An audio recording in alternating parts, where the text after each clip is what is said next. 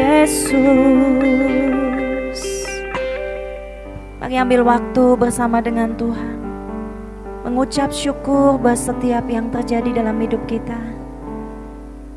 Kita mau mengingat setiap apa yang Tuhan buat dalam hidup kita. Tuhan memberkati kita, Tuhan memulihkan kita, Tuhan memberikan mujizat kepada kita. Walaupun sering kali kita tidak menyadarinya. Tetapi kita mau belajar untuk memahami dan mengenal dia. Untuk kita selalu berfokus memandang kepada dia. Untuk kita bisa menjadi satu dengan hatinya. Untuk kita bisa menjadi intim dengan dia. Itulah arti dari mengenal dia. Ajar kami Tuhan. Kami bersyukur buat pagi hari ini Bapa. Kuasai tempat ini, kuasai hati kami, pikiran kami. Untuk kami mendengar kerinduan hatimu kepada kami. Telah banyak kami mendengar firman-Mu Tuhan. Ajar kami menjadi pelaku firman-Mu. Ajar kami bukan hanya sekedar mendengar tetapi kami itu boleh mengubah dari dalam hati kami, mengubah jiwa kami, mengubah pikiran kami, mengubah tindakan kami supaya kami boleh menjadi saksi-saksi Kristus yang hidup di muka bumi ini, menjadi gereja yang hidup dan menyatakan kemuliaan-Mu di muka bumi ini. Kami rindu Tuhan, kami hamba-hambamu, kami siap mendengar firman-Mu di dalam nama Tuhan Yesus Kristus yang kami kasih dikasihi. Mari yang siap mendengar firman Tuhan katakan sama-sama. Amin. Shalom, selamat pagi. Shalom. Oke, saudara yang dikasih Tuhan Yesus, uh, saya percaya bahwa kita adalah orang pilihan Tuhan. Amin. Amin. Saya mau tanya, siapa yang pernah masuk universitas, mungkin universitas apa pun, angkat tangan. Minimal SMA, pernah masuk SMA, angkat tangan. Ya, semuanya ya kita masuk dalam sebuah sekolah, baik itu SMP, SMA, sampai ke perguruan tinggi saudaraku, bahkan sampai kepada pekerjaan, kita akan melalui sebuah proses yang namanya proses seleksi, ya. Proses seleksi saudaraku. Tidak semua orang yang mendaftar ke Ubaya, ya, itu pasti langsung oke okay, 100% pasti diterima. Kami menerima pokok doa saudaraku. Ada orang yang uh, sedih sekali dalam pokok doanya dia berkata, "Kak, tolong doakan saya." Ternyata dia tidak lulus uh, ujian SMA. Ya, SMA tidak lulus saudaraku. Sampai akhirnya dia sedih sekali karena dia tidak bisa masuk ke universitas yang dia impikan. Dia tes ya, beberapa hari itu dia tes mengalami ujian mandiri kalau nggak salah. Saya nggak tahu itu ujian bagaimana sampai akhirnya dia berdoa supaya tolong doakan supaya saya bisa masuk ke universitas ya saudaraku selalu ada seleksi untuk kita masuk ke dalam sebuah perusahaan kita akan dites psikologi ini yang masuk ke dalam perusahaan ini apakah orang yang sehat secara jasmani sehat secara mental ataukah dia tidak siap untuk menjadi guru saja saudaraku ya? Di tempat kami di sekolah kami untuk menjadi pengajar saudaraku akan masuk tes ya? Nggak sembarang orang bahkan saya pun kalau mau jadi guru saudara guru tetap yang akan mengajar full saudaraku yang bertanggung jawab pada sebuah kelas pasti harus dites. Belum tentu saudaraku saya yang pandai ngomong di depan ini bisa mengajar sebuah kelas loh saudaraku ya dites dulu psikologinya gimana. Suka menghadapi anak-anak gimana. Kerjanya bisa nggak dengan tim yang lain ya? Bisa menangani sabar gak dengan anak-anak? Cocok enggak dan hasil tes psikologi akan mengatakan kurang direkomendasikan karena kerjanya lamban. Karena cepat tersinggung misalnya ya. Nanti kalau dengan murid-murid bisa tukaran wah ya. Atau nanti bisa gawat ini e, nanti suka bertengkar dengan guru-guru yang lain ada kesimpulannya Saudaraku Tuhan Yesus memilih kita juga saya percaya tidak sembarang dia memilih kita. Saya percaya kasih salam dulu teman kanan kiri kamu orang pilihan Tuhan. Tidak peduli wajahmu bilang. Tidak peduli sifatmu. Kalau orang masuk ke perguruan tinggi atau ke tadi sekolah, saudara mau jadi guru ya, tentu harus lewat tes-tes untuk memenuhi menjadi guru. Nah, kita untuk menjadi umat pilihan Tuhan, anehnya saudaraku, inilah yang namanya kasih karunia, inilah yang namanya grace, inilah yang namanya mercy. Di mana saudaraku, orang yang paling tidak layak pun untuk masuk seleksi, boleh menjadi orang pilihan Tuhan. Itu ajaib dari sebuah anugerah saudaraku. Dari sebuah kata mercy yang datang dari Tuhan. ya. Oleh karena itu saudaraku, luar biasa kasih karunia Tuhan itu. Kalian mungkin sifat kita masih buruk, mungkin kita masih tidak baik, mungkin kita masih orang yang suka dalam dosa. Tapi Tuhan ketika memilih seseorang, ketika Tuhan masuk dalam kehidupan seseorang, maka kehidupan itu tidak akan pernah sama lagi. Saya mau bertanya, Siapa dari jemaat Tuhan yang merasa bahwa hidupnya setelah Yesus hadir dalam hidupmu ada sesuatu yang berubah, ada sesuatu yang berbeda. Angkat tangan yang tinggi dengan penuh kebanggaan. Amin. Beri kemuliaan buat Tuhan Yesus. Kenapa saudaraku? Karena ada perubahan. Dari dulu kita yang belum kenal Tuhan, dari dulu kita yang belum sungguh-sungguh sama Tuhan, ketika kita sadar Yesus hadir dalam hidup kita, pasti ada yang berubah. Pasti ketika Yesus hadir dalam kehidupan seseorang. Mungkin ketika itu kita seperti orang yang normal pada waktu seumumnya, saudara, umumnya kehidupan normal. Pernah enggak ketika kita menjadi orang yang sungguh-sungguh sama Tuhan, kita tuh kadang berpikir gini, saudaraku, aku kok kepingin ya, kadang kalau kita dalam keadaan lemah ya, enak ya, hidup yang normal. Pernah enggak kita sedang menginginkan yang namanya kehidupan normal dalam tanda kutip? Berarti kita sedang ndak ndak apa? Ndak normal, ya. Kita kadang berpikir Tuhan, aku harus pelayanan, aku harus ke gereja, aku harus komitmen, aku harus melayani, aku harus sungguh-sungguh sama Tuhan. Kadang kita berpikir Tuhan, enak ya jadi orang normal ya. Berarti kita ini adalah orang abnormal saudaraku di mata dunia. Saudaraku, Pak kita seperti Simon yang pada waktu itu menjalani sebuah kehidupan yang normal, saudaraku. Apa kehidupan normal dari Simon? Halo? Menjadi apa? Nelayan. Kehidupan Simon di tepi danau. Genesaret atau Galilea ya. Itu di tepi danau Simon setiap hari dia melakukan kehidupan rutinitas normal saudaraku dia menjala ikan, dia jualan, ya, dia mungkin punya kapal, dia bukan orang yang miskin-miskin banget saudaraku ya. Dia orang yang ahli sekali, orang nelayan yang sudah expert di bidangnya saudaraku ya. Expert di nelayan walaupun tidak terlalu ngerti uh, ilmu-ilmu teologi yang tinggi saudaraku tapi dia sangat expert untuk menjadi seorang nelayan. Dia jual ikan ya, mungkin pada uh, apa itu namanya? Bakul-bakul ya di pasar, ambil di dia, dikulak saudaraku, dia ambil ikan lagi malam hari dengan saudara-saudara dan sahabat-sahabat terdekatnya, yaitu Andreas, ada Yakobus, ada Yohanes. Sadar enggak? Mungkin Tuhan Yesus banyak yang nelayan. Dan pada waktu itu saudaraku Petrus si Simon ini ya dalam keadaan yang biasa sama seperti kita saudaraku. Kita mungkin sedang dalam keadaan normal pada waktu keadaan Tuhan Yesus uh, pada waktu Yesus belum menjumpai kehidupan kita. Kita akan lihat sebuah video dulu sebelum kita akan jelaskan ya. Kita akan masuk dalam firman Tuhan. Kita buka dalam Lukas 5 ayat 1 sampai 11 kita lihat sama-sama ini hanya ilustrasi ya. Tidak mendekati 100% ya dari apa yang terjadi pada waktu itu. Tapi kita lihat maknanya saat Yesus sampai di tepi danau, di situ ada banyak kapal, ya, ada banyak nelayan yang sedang membereskan jala-jalanya. Dan Yesus mulai berdoa untuk memilih muridnya yang pertama.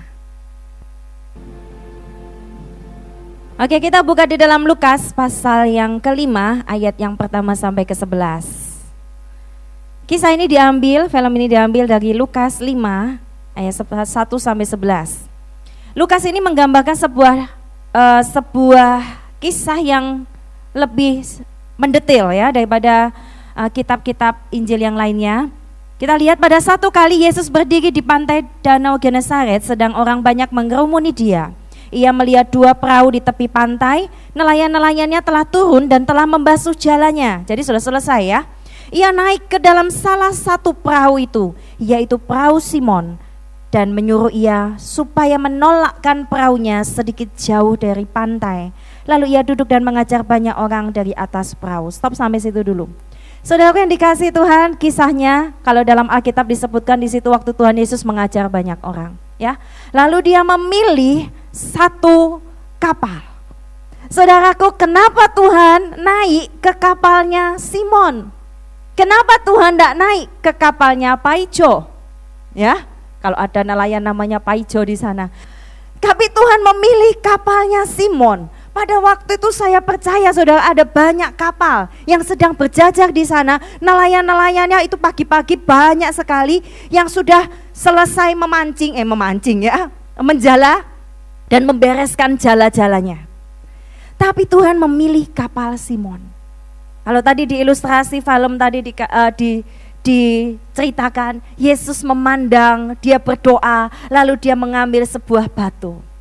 Dia mendapat sebuah vision bahwa dia akan memilih batu karang untuk menjadi dasar gerejanya, untuk menjadi gerejanya, yaitu Petrus.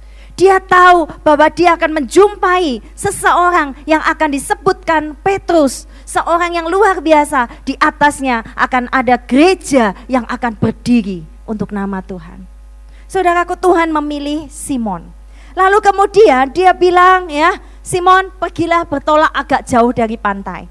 Saudaraku yang dikasih Tuhan, ini hal yang sebetulnya aneh kalau yang dilakukan Tuhan Yesus. Kenapa? Yang pertama, secara pengalaman, Simon ini lebih tahu untuk menjadi nelayan. Kalian tahu kalau pada malam hari, saya juga baru tahu ya, malam hari kenapa kok nelayan itu suka menjala ikan ya dengan jaring itu malam hari. Karena suhunya itu hangat saudaraku, di dalam air itu hangat. Sehingga plankton-plankton ya, plankton, makanan ikan itu akan naik ke atas. Nah setelah naik ke atas, ikannya akan mudah sekali untuk naik ke atas permukaan saudara. Sedangkan waktu pagi sampai siang hari, sore ya, itu uh, suhunya tuh dingin. Sehingga planktonnya tuh tidak di atas. Jadi sangat susah sebetulnya mustahil untuk kalian itu menjala ikan. Kalau kalian yang suka menjala ada yang ingin berprofesi menjala penjala angkat tangan? Saudaraku itu uh, siang hari itu mustahil. Kenapa? Karena nggak mungkin dapat ikan di permukaan ya. Yang pertama secara pengalaman Yesus ini adalah pengalamannya kayu. Betul? Kalau ngomong masalah mebel oh jangan jangan sebut Petrus nggak mungkin bisa bikin mebel. Tapi kalau Tuhan Yesus si anak tukang kayu saudaraku ya selama dia bisa melihat si ayahnya uh, menggaji, membikin kayu-kayu, membikin mebel, membikin kursi, Yesus jagonya. Tetapi masalah ikan, Petrus mungkin bisa berkata, masalah ikan itu urusanku. Masalah kayu urusanmu. Seharusnya tidak ada hubungannya. Kenapa kok Yesus akhirnya menyuruh si Simon bertolak ke tempat yang lebih dalam, bukan di tepi. Ini hal yang aneh, saudaraku. Karena itu tidak masuk akal. Tapi Simon atau Petrus ini taat. Yang kedua saudaraku, tadi ada plankton. Yang ketiga, sebetulnya tempat yang dalam itu bukan tempat yang baik untuk menjala ikan. Ya, Kenapa tempat yang dalam itu tidak terlalu baik? Karena memerlukan jala yang besar saudaraku. Jala yang bukan jala biasa. Sehingga tidak semua para penjala itu bisa menjala di tempat yang dalam. Tapi Yesus berkata, masuk ke tempat yang dalam. Saudaraku, tidak sebuah kebetulan Yesus memilih Simon. Tidak sebuah kebetulan juga dalam seluruh hidup Simon berpuluh-puluh tahun dan dia diinvestasikan dan dia akhirnya menjadi seorang penjala ikan pada waktu itu. Bukan kebetulan. Yesus bisa memanggil kita dari semua profesi kita. Dan Yesus juga punya cara saudaraku untuk memanggil kita mencelikan mata kita seperti Tuhan mencelikan mata Simon. Coba kita lihat ayat yang selanjutnya. Ayat yang keempat setelah selesai bicara ia berkata kepada Simon, bertolaklah ke tempat yang dalam dan tebarkan jalan untuk menangkap ikan. Simon menjawab, Guru, telah sepanjang malam kami bekerja keras dan kami tidak menangkap apa-apa. Tetapi karena engkau yang menyuruhnya, aku akan menebarkan jala juga.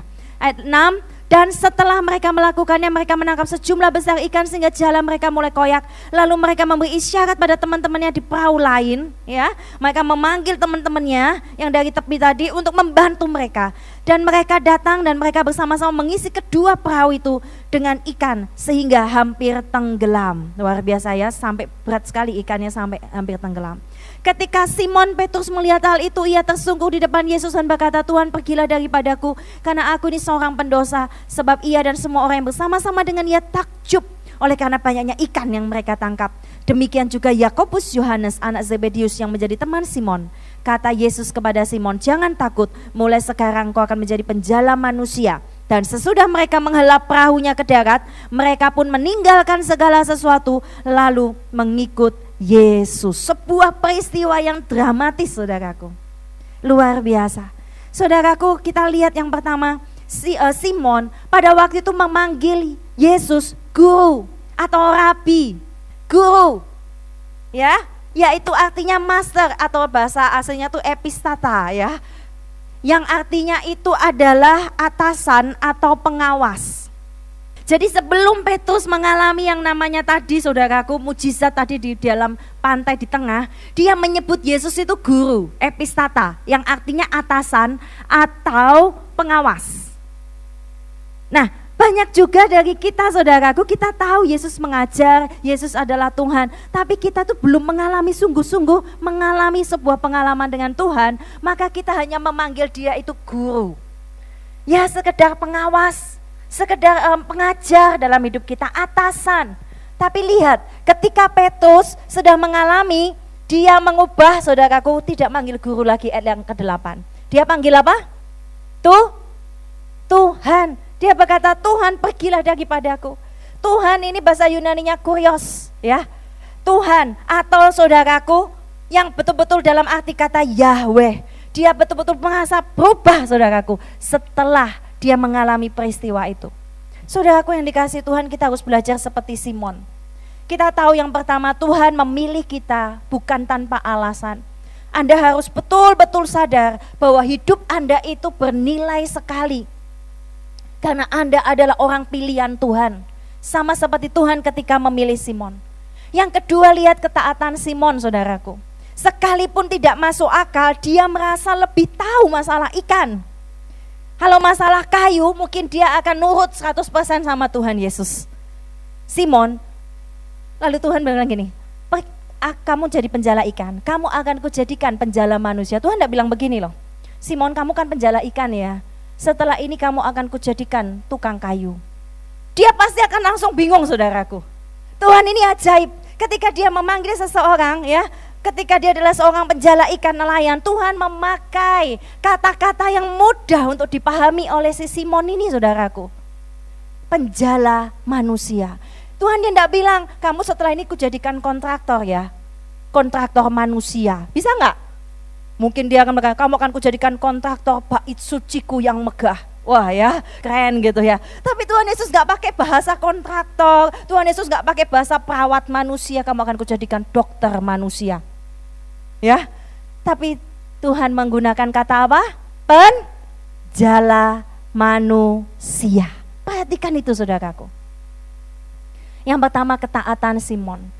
Kalau Tuhan menyuruh kita sesuatu yang kita berkata begini, Tuhan masalah ini aku ini sudah tahu, masalah usaha misalnya Anda bekerja, masalah akuntansi ini Tuhan atau pekerjaan sebuah bidang saudaraku. Anda berkata, saya ini yang paling tahu Tuhan masalah ini. Saya ini yang paling tahu seluk beluk dari uh, bisnis ini. Saya ini yang paling tahu mungkin tentang diri kita, tentang siapa yang saya sukai, siapa yang saya inginkan, siapa yang saya cintai ya. Atau fakultas universitas mana yang saya saya pilih, kita yang paling tahu, kita merasa demikian. Kemarin sore kalau saya ceritakan saudaraku judulnya tentang pride. Kita berkata pride itu harga diri. Ya, pride itu harga diri. Tetapi di firman Tuhan disebutkan pride itu saudara adalah kecongkaan. Pride itu adalah keangkuhan. Pride itu adalah kesombongan dan begitu banyak anak-anak Tuhan kita hanya peduli oh hubungan kita dengan Tuhan baik oke okay lah tapi kita lupa kita sebetulnya punya pride yang begitu besar yang belum ditaklukkan yang belum diserahkan sama Tuhan sehingga itu menghancurkan hubungan kita yang pertama dengan Tuhan, yang kedua adalah dengan saudara-saudara kita, dengan orang tua kita, dengan adik kita, dengan ayah ibu kita, dengan saudara-saudara seiman kita dan pemimpin rohani kita. Kita punya pride. Saudaraku firman Tuhan Amsal katakan begini, pride, kesombongan, kecongkaan itu mendahului kehancuran. Barang siapa kita yang belum mau menaklukkan pride kita, percayalah itu awal dari kehancuran kita. Kehancuran apa? Hubungan kita. Anda yang mau menikah, yang sudah menikah, ya, kita harus menaklukkan pride kita untuk menghadapi lawan jenis yang memang berbeda karakter saudara itu hidup selama-lamanya. Jadi saudaraku kalau Anda yang ingin mau menikah angkat tangan, tolong angkat tangan. Yang sudah menikah nggak usah angkat tangan. Yang ingin menikah angkat tangan. Nah, Anda menikah itu tidak boleh ada perceraian saudara, amin. Itu menikah seumur hidup dengan orang yang sama, tidak ganti-ganti loh saudaraku. Ya, Anda nggak suka dengan player satu, player dua gitu ya, main game ya. Wah ini nggak suka, ini kelihatannya kurang keren. Ganti player, ganti player ya. Kita nggak bisa seperti itu saudara. Orang menikah sekali seumur hidup dan selama-lamanya itu terikat saudaraku. Sampai tua, sampai maut memisahkan. Dan Anda akan hidup dengan orang itu segala karakternya, dengan segala pride-nya saudara. Bayangkan kita masih mempertahankan pride kita. Memper, pride itu apa sih saudara? Mempertahankan begini loh, bahwa aku tahu ini salah, ini yang benar, ini yang salah dan kita mempertahankan pendapat kita bahwa kita yang benar. Mempertahankan bahwa dia yang salah, kok cara dia begitu, kok dia tidak mengasihiku dengan cara begini, kok dia begini. Saudaraku, ini namanya pride, itu namanya kesombongan. Kalau kita masih punya seperti itu, itu bahaya saudara. Kenapa? Akhirnya hubungan akan hancur saudara. Karena kita mempertahankan pride. Bukan hanya suami istri, oleh karena itu yang mau menikah tadi angkat tangan, yang belum angkat tangan juga tolong didengarkan. Sebelum Anda menikah dan terikat selamanya dengan seseorang, belajar kuasai pride kita masing-masing. Karena kalau kamu sudah menikah saudaraku ya, itu selama-lamanya. Dalam persahabatan kita dengan teman kita, coba kita renungkan, pride kita ada nggak? Ada. Kita masih mempertahankan, oh aku yang benar, temanku yang salah, gembalaku yang salah, kok begini, kok begitu, kok begini. Karena kita menganggap apa? Kita yang benar, pendapat kita yang benar. Uh, yang kita, uh, apa ya, semua yang prinsip-prinsip kita itulah yang benar. Itu adalah kesombongan. Dulu saya berpikir, oh saya nggak orang sombong kok. Tapi sampai saya mengalami sendiri saudaraku, pride saya besar. Siapa bilang wanita nggak punya pride? Ya, hanya laki-laki saja memang laki-laki itu pride-nya paling besar gitu ya. Paling suka disalahkan. Itu biasanya bukan tidak ada di tempat ini ya. Paling tidak bisa ngakui kesalahan itu orang-orang uh, pria-pria yang belum kenal Tuhan ya. Oh yang pria-pria sudah kenal Tuhan itu pria-pria yang mudah diubahkan sama Tuhan. Amin pria-pria. Amin. Amin ya. Karena apa? Berani mengakui kesalahan, berani merendahkan diri, tidak sombong. Kalau salah ya bilang salah saudaraku. Ya, berani minta maaf. Tetapi wanita juga punya pride yang besar saudaraku, ngambek kan. Siapa di sini suka ngambek? Dan kita tidak mau memulai kata maaf. Kalau udah orang itu minta maaf duluan, itu pride apa enggak? Pride juga. Betul? Kalau cowok ngambek itu aneh saudara. Ya, ngambek gitu ya, nggak mau balas WA ngambek aneh ya kelihatannya. Tapi kalau wanita seperti itu itu tandanya ingin dikejar. Kalau wanita diam itu tandanya ingin dikejar. Ya, pria-pria ya. Dan ini juga pride saudaraku.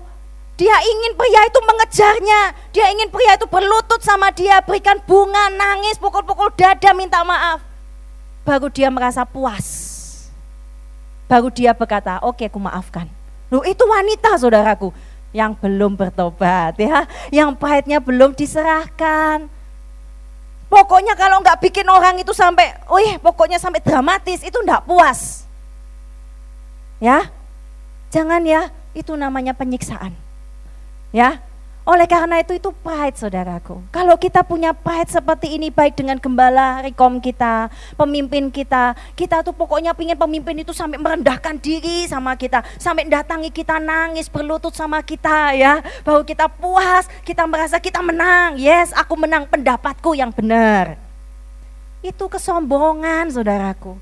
Sadar enggak? Petrus dia tahu bahwa Yesus ini tidak tahu apa-apa tentang nelayan, tapi dia tetap taat saudaraku. Kalau Petrus punya pride yang gede, dia nggak nggak akan mau pergi bertolak ke tempat yang dalam. Semua logikanya tidak masuk soalnya, ya kan? Sudah sudah saya jelaskan plankton dan lain sebagainya, tidak masuk.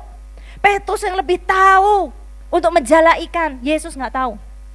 Dia akan berkata, guru, sekali dia bantah, kami sudah bekerja semalaman gak ada ikan tapi karena kau yang menyuruhnya. Sampai dalam hati gundel, wes capek semalam menjala ikan, disuruh jala lagi. Jala itu tidak bisa gusa-gusu loh saudaraku ya. Menanti, menunggu. Kenapa Tuhan Yesus memakai kata penjala manusia? Ini sebuah yang luar biasa loh saudaraku. Karena begini, menjala ikan ya itu tidak sembarangan. Kenapa Tuhan pakai istilah penjala? Penja, pen, untuk menjala ikan itu tidak sembarangan. Yang pertama saudaraku, kita harus tahu apa yang mau kita jala. Ikan apa? Saya nggak tahu detailnya ya. Mungkin ikan ini ikan ini berbeda-beda caranya. Lalu yang kedua, lokasinya di mana? Di Danau Genesaret atau di Kenjeran? Nggak tahu ada ikan nggak gitu ya. Ini lokasi di mana? Harus tahu. Pemetaan dulu. Yang ketiga adalah memperhatikan tanda-tanda ikan. Jadi jangan meremehkan penjala. Kalau saya disuruh mancing saudaraku ya, kalau itu tempat yang sudah memang tempat pemancingan, gampang ikan memang sudah disediakan. Ya kan? Betul? Coba mancing di tempat yang tidak ada ikannya, yang memang tempatnya mungkin bukan tempat pemancingan saudaraku. Itu pemancingan itu memang orang kurang kerjaan. Sudah ada ikannya tinggal kita minta orang nangkep, bakar, selesai makan saudara. Tapi mancingnya tuh sampai tiga jam. Makannya cuma 20 menit saudara. Ya, jadi yang suka mancing itu orang yang memang stres ya kurang kerjaan gitu ya diem aja nah ya kan. Siapa di sini suka mancing saudara? Ini jala saudara. Dan jala itu tidak boleh rame. Dia tidak tahu kapan saudara ikan itu datang, di mana itu tidak tahu, bukan tempat pemancingan. Ikannya dalam saudara, mungkin sedang jalan-jalan ke mana nggak tahu, ya. Oleh karena itu saudaraku harus ada melihat tanda-tanda ikan, ya. Kemudian yang keempat, tidak boleh berisik, kita mancing, wuh, gitu ya. Nelayannya Petrus ngomong-ngomong, ngobrol-ngobrol, tertawa-tawa. Kalau Karlin tertawa di sana ikannya nggak mau mendekat, saudara ya. Wah, kalau Karlin ada di perahunya Simon, saudaraku, Simon akan stres, tidak akan dapat ikan, ya. Tapi puji Tuhan, Simon yang walaupun cerewet saudaraku, dia tahu kalau waktu jala ikan, jangan berisik. Dia menunggu tanda-tanda sepanjang malam, saudara. Tidak mudah menjala ikan. Yang selanjutnya, saudaraku, memilih jala yang sesuai dan cara melempar jala itu pun tidak sembarangan. Kalau saya tadi seperti Simon di film, saya tebar jala tadi mungkin sak karpe saya saudara. Ya, pokoknya ditebar, wis gini ya, talinya ikut terlempar ya. Pernah ada saudara ya, itu Karlin kemarin kasih video atau foto jala ikan kok malah jalannya dimakan sama ikan saudara ya. Entah apanya akhirnya jalannya kelempar atau bagaimana. Ini kebalik saudaraku, menang ikannya. Menjala tuh tidak sembarangan, dilemparnya pun tidak sembarangan caranya saudara. Kalau enggak, mungkin kamu dapat ikan masuk ke jala, mau kamu ambil, enggak bisa, ikannya lari. Jadi enggak sembarangan. Menjala ikan Simon ini luar biasa. Juga jala itu diatur saudara talinya bagaimana, kaitannya bagaimana. Dan yang terakhir harus sabar. Menjala ikan itu sabar sekali lagi. Anda baru menjala ikan setengah jam diam aja. Kok nggak ada ikan ya? Pindah lagi ke tempat lain. Sebar lagi 20 menit kok nggak ada ikan ya? Pindah lagi. Tidak dapat menjala ikan itu sabar demikian juga memancing ikan. Saya pernah dapat ikan tiga ya. Mancing. Karena tempat memancingan ya gampang ya. Kita kasih itu apa namanya cacing-cacing mereka akan datang kepada kita. Ini sabar. Karena itu Tuhan Yesus memakai kata istilah penjala manusia. Tuhan berkata kamu akan kujadikan penjala manusia dia bicara sama Petrus ya atau Simon yang memang jelas-jelas tahu betul apa itu penjala ikan. Kalau Yesus datang kepada mungkin tukang bangunan di sana ada tukang bangunan saudara, ya yang sedang bangun-bangun rumah. Yesus jalan-jalan lalu dia berkata, oh ini muridku, dia akan datang. Ayo, kujadikan kamu tukang bangunan kerajaan surga. Dia nyantol saudara, oh tukang bangunan kerajaan surga, aku mau. Saudaraku Tuhan bicara kepada kita tuh dengan cara yang ajaib apa pun profesimu. Tetapi kita sekarang bicara tentang penjala manusia. Saudaraku penjala manusia kita butuh yang namanya jaring. Jangan menjadi penjala-penjala cinta. Amin. Kita penjala manusia bukan memakai jaring-jaring cinta ya. Wih, tebar jala. Biasanya kan begitu ya kata-kata istilahnya ya. Tebar jala. Siapa dapat kau ku dapat. Ya kan? Siapa dapat kaulah yang jadi pasanganku. Kita nggak boleh seperti itu, saudara. Yesus tidak pernah memerintahkan kita menjadi penjala-penjala cinta, tetapi Tuhan mau kita menjadi penjala. Kasih salam dulu. Saya penjala manusia, kamu penjala manusia, ya. Penjala manusia. Dan Tuhan bilang begini, ikutlah aku dan kamu akan kujadikan penjala manusia. Ikut jadi apa? Jadi murid Yesus. Saya mau ulang lagi saudaraku, setiap kita mau menjadi murid Yesus, siapa murid Yesus ada tiga hal yang harus kita ingat terus saya ulang. Yang pertama, yaitu seseorang yang mengikut Yesus, head, yaitu Yesus sebagai kepalanya. Inilah yang disebut murid Yesus. Sudahkah kau melakukan ini? Yesus sebagai kepala kita, Tuhan juru selamat kita, dalam segala perkara kita doa dulu sama Tuhan, minta bimbingan Tuhan, head, Tuhan yang kepala kita. Yang kedua, Bukan cuma kita percaya Yesus sebagai Tuhan, yang kedua, saudara siapa yang menjadi murid Yesus, diubahkan oleh Yesus. Heart, hati kita mulai berubah saudaraku. Jadi orang yang mengaku sama Yesus, uh, Simon ini saudaraku, dia berubah saudaraku.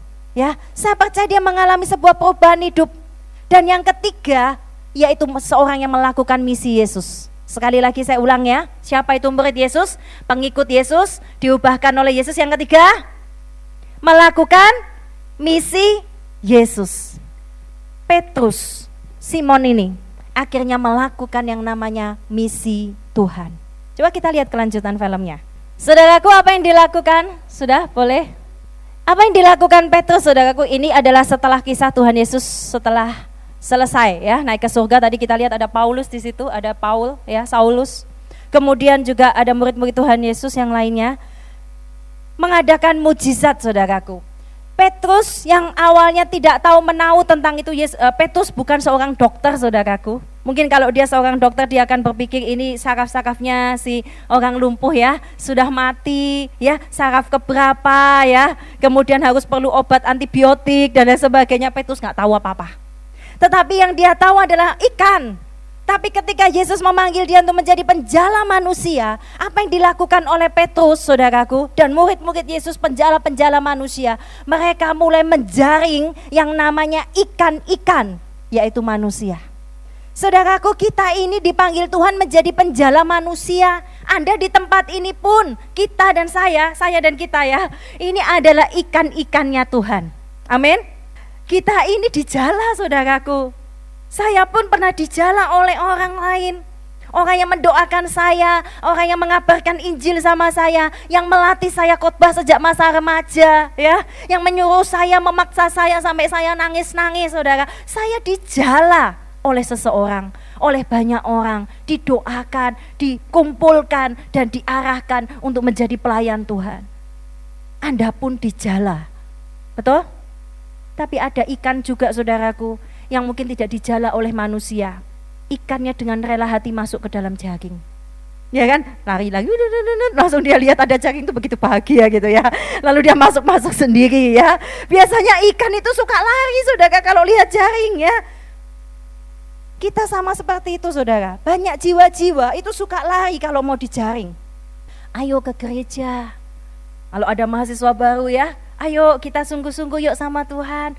Kita akan lebih suka memilih saudaraku ya ke tempat-tempat yang menyenangkan, ke tempat yang uh, mall ya.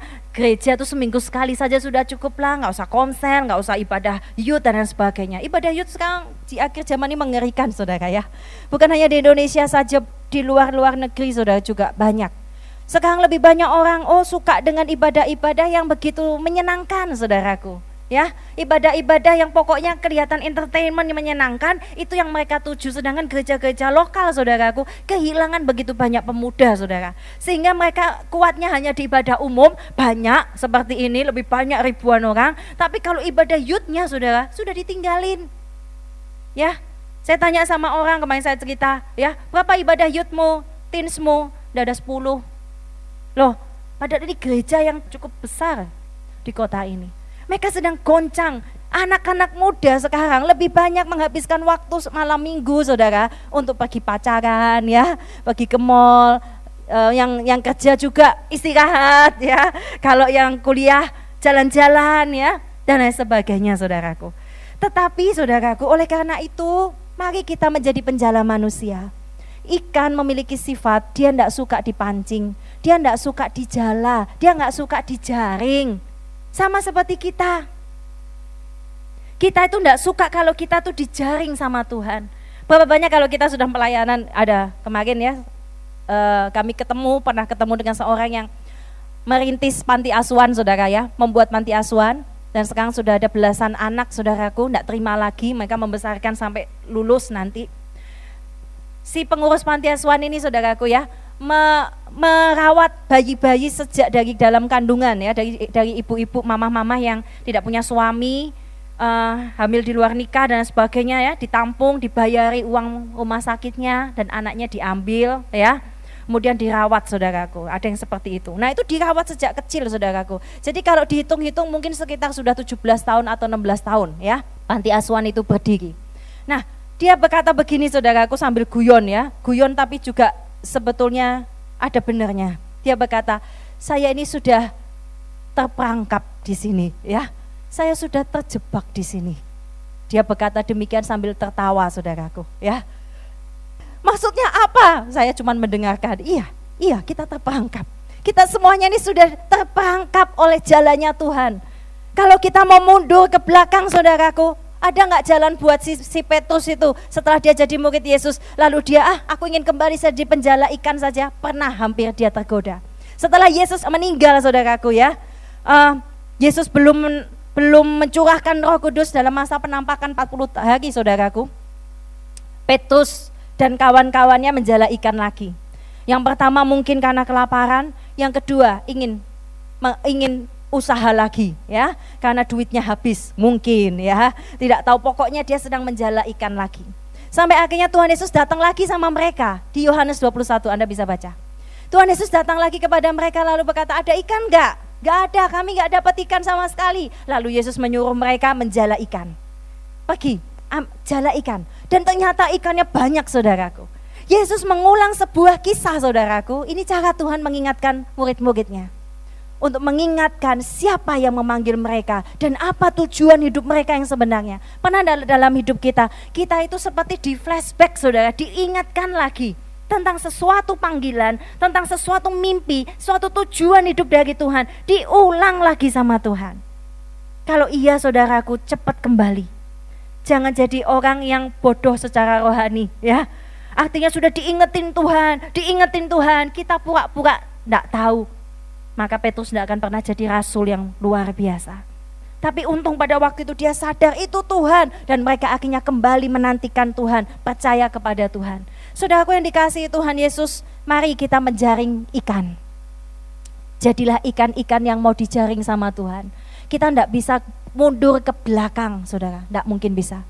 Kita sudah masuk ke dalam rencana Tuhan. Jangan pernah sekali-kali kita ingin mundur, saudaraku karena kita sudah terjaring.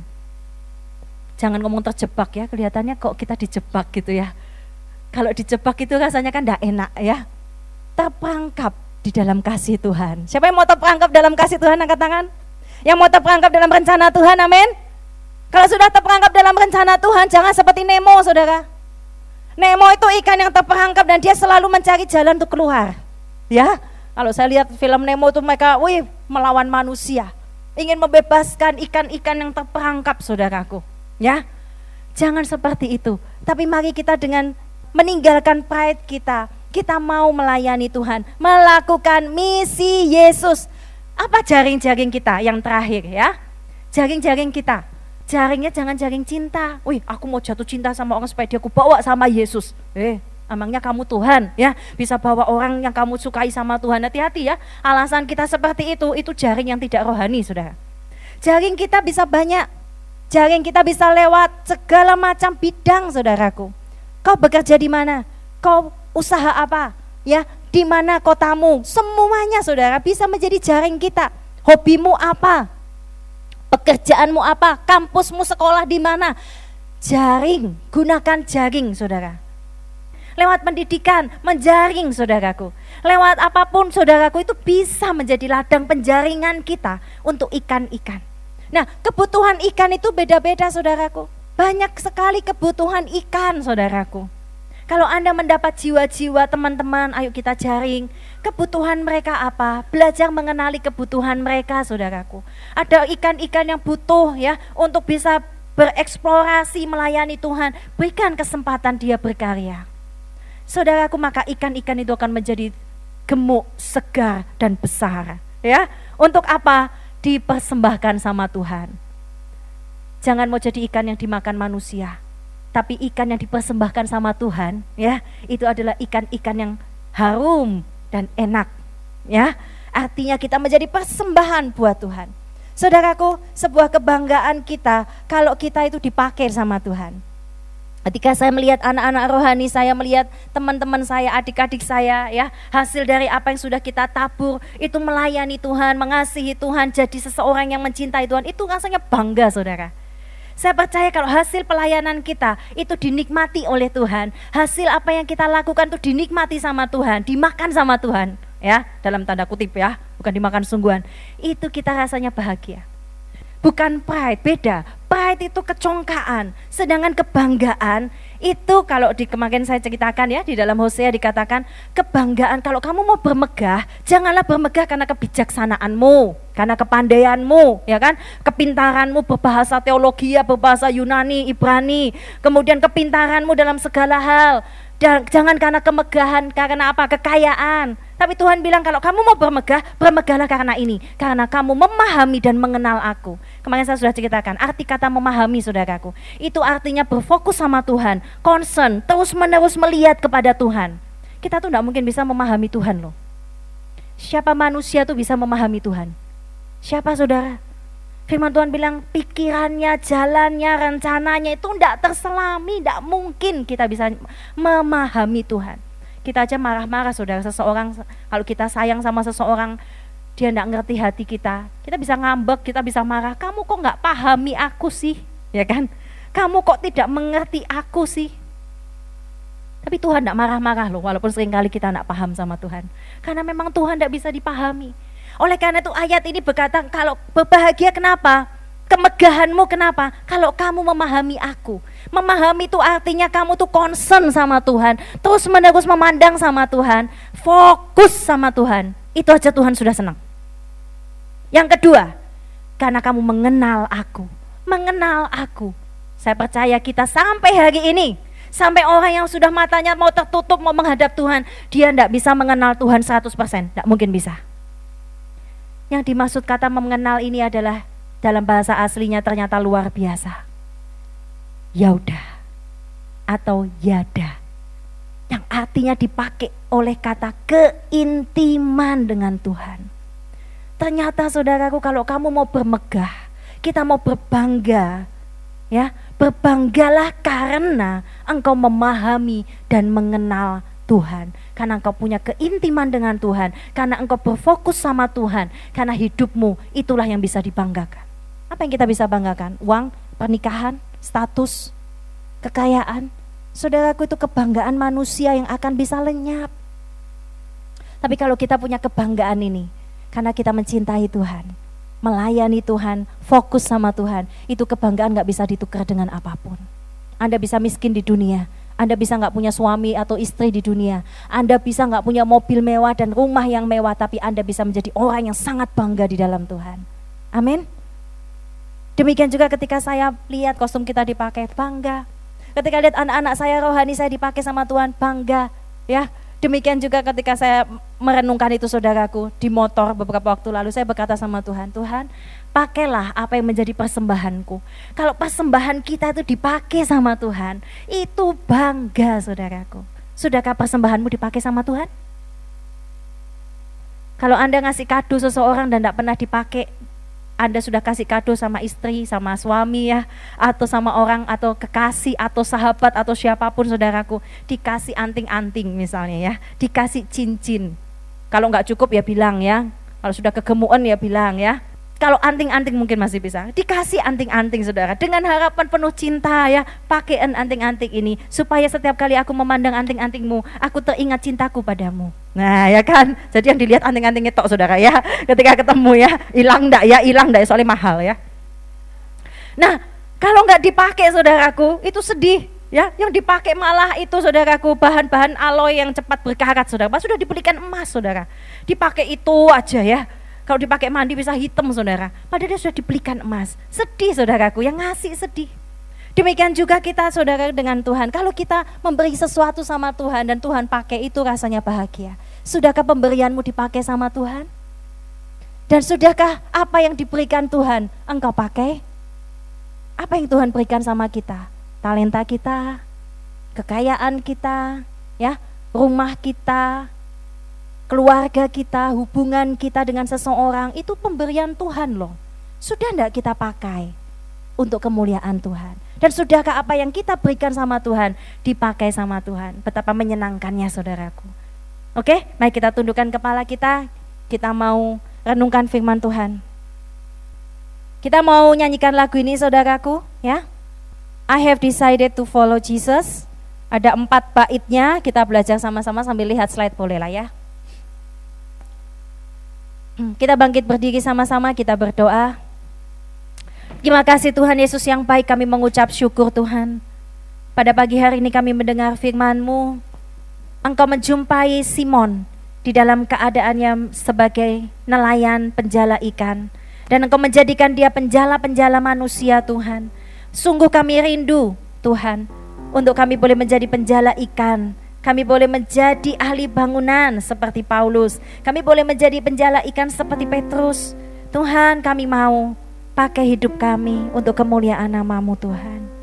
Terima kasih Yesus. Mari kita renungkan firman kita ambil saat teduh dulu.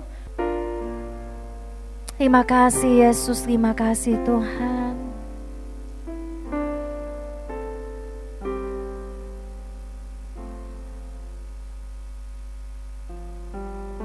Mengikut Yesus keputusanku. Kita nyanyikan bahasa Indonesianya dulu.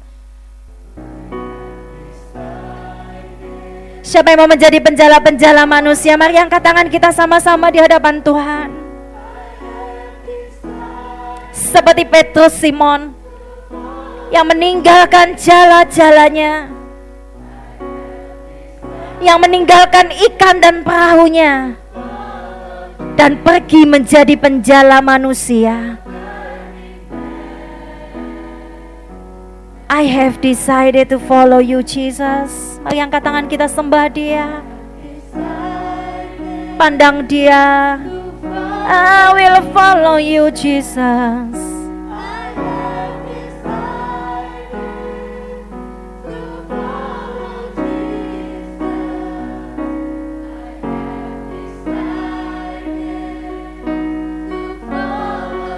Kami tidak akan menyesal Tuhan. Tidak ada jalan untuk mundur. Tidak ada. Katakan the world behind me. The cross before me. The world behind me. I see the cross. I see your cross, Jesus.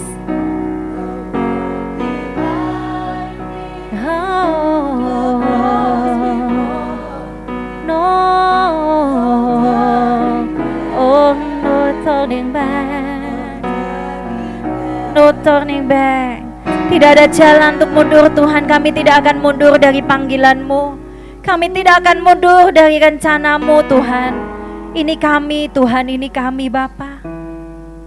Siapa saudaraku engkau mau sungguh-sungguh di hadapan Tuhan siang hari ini kau berkata komitmenmu Tuhan aku tidak akan mundur dari jalan ini Aku tidak akan mundur dari rencanamu, aku tidak akan mundur dari panggilanmu. Mari angkat tangan kita sama-sama kita berdoa.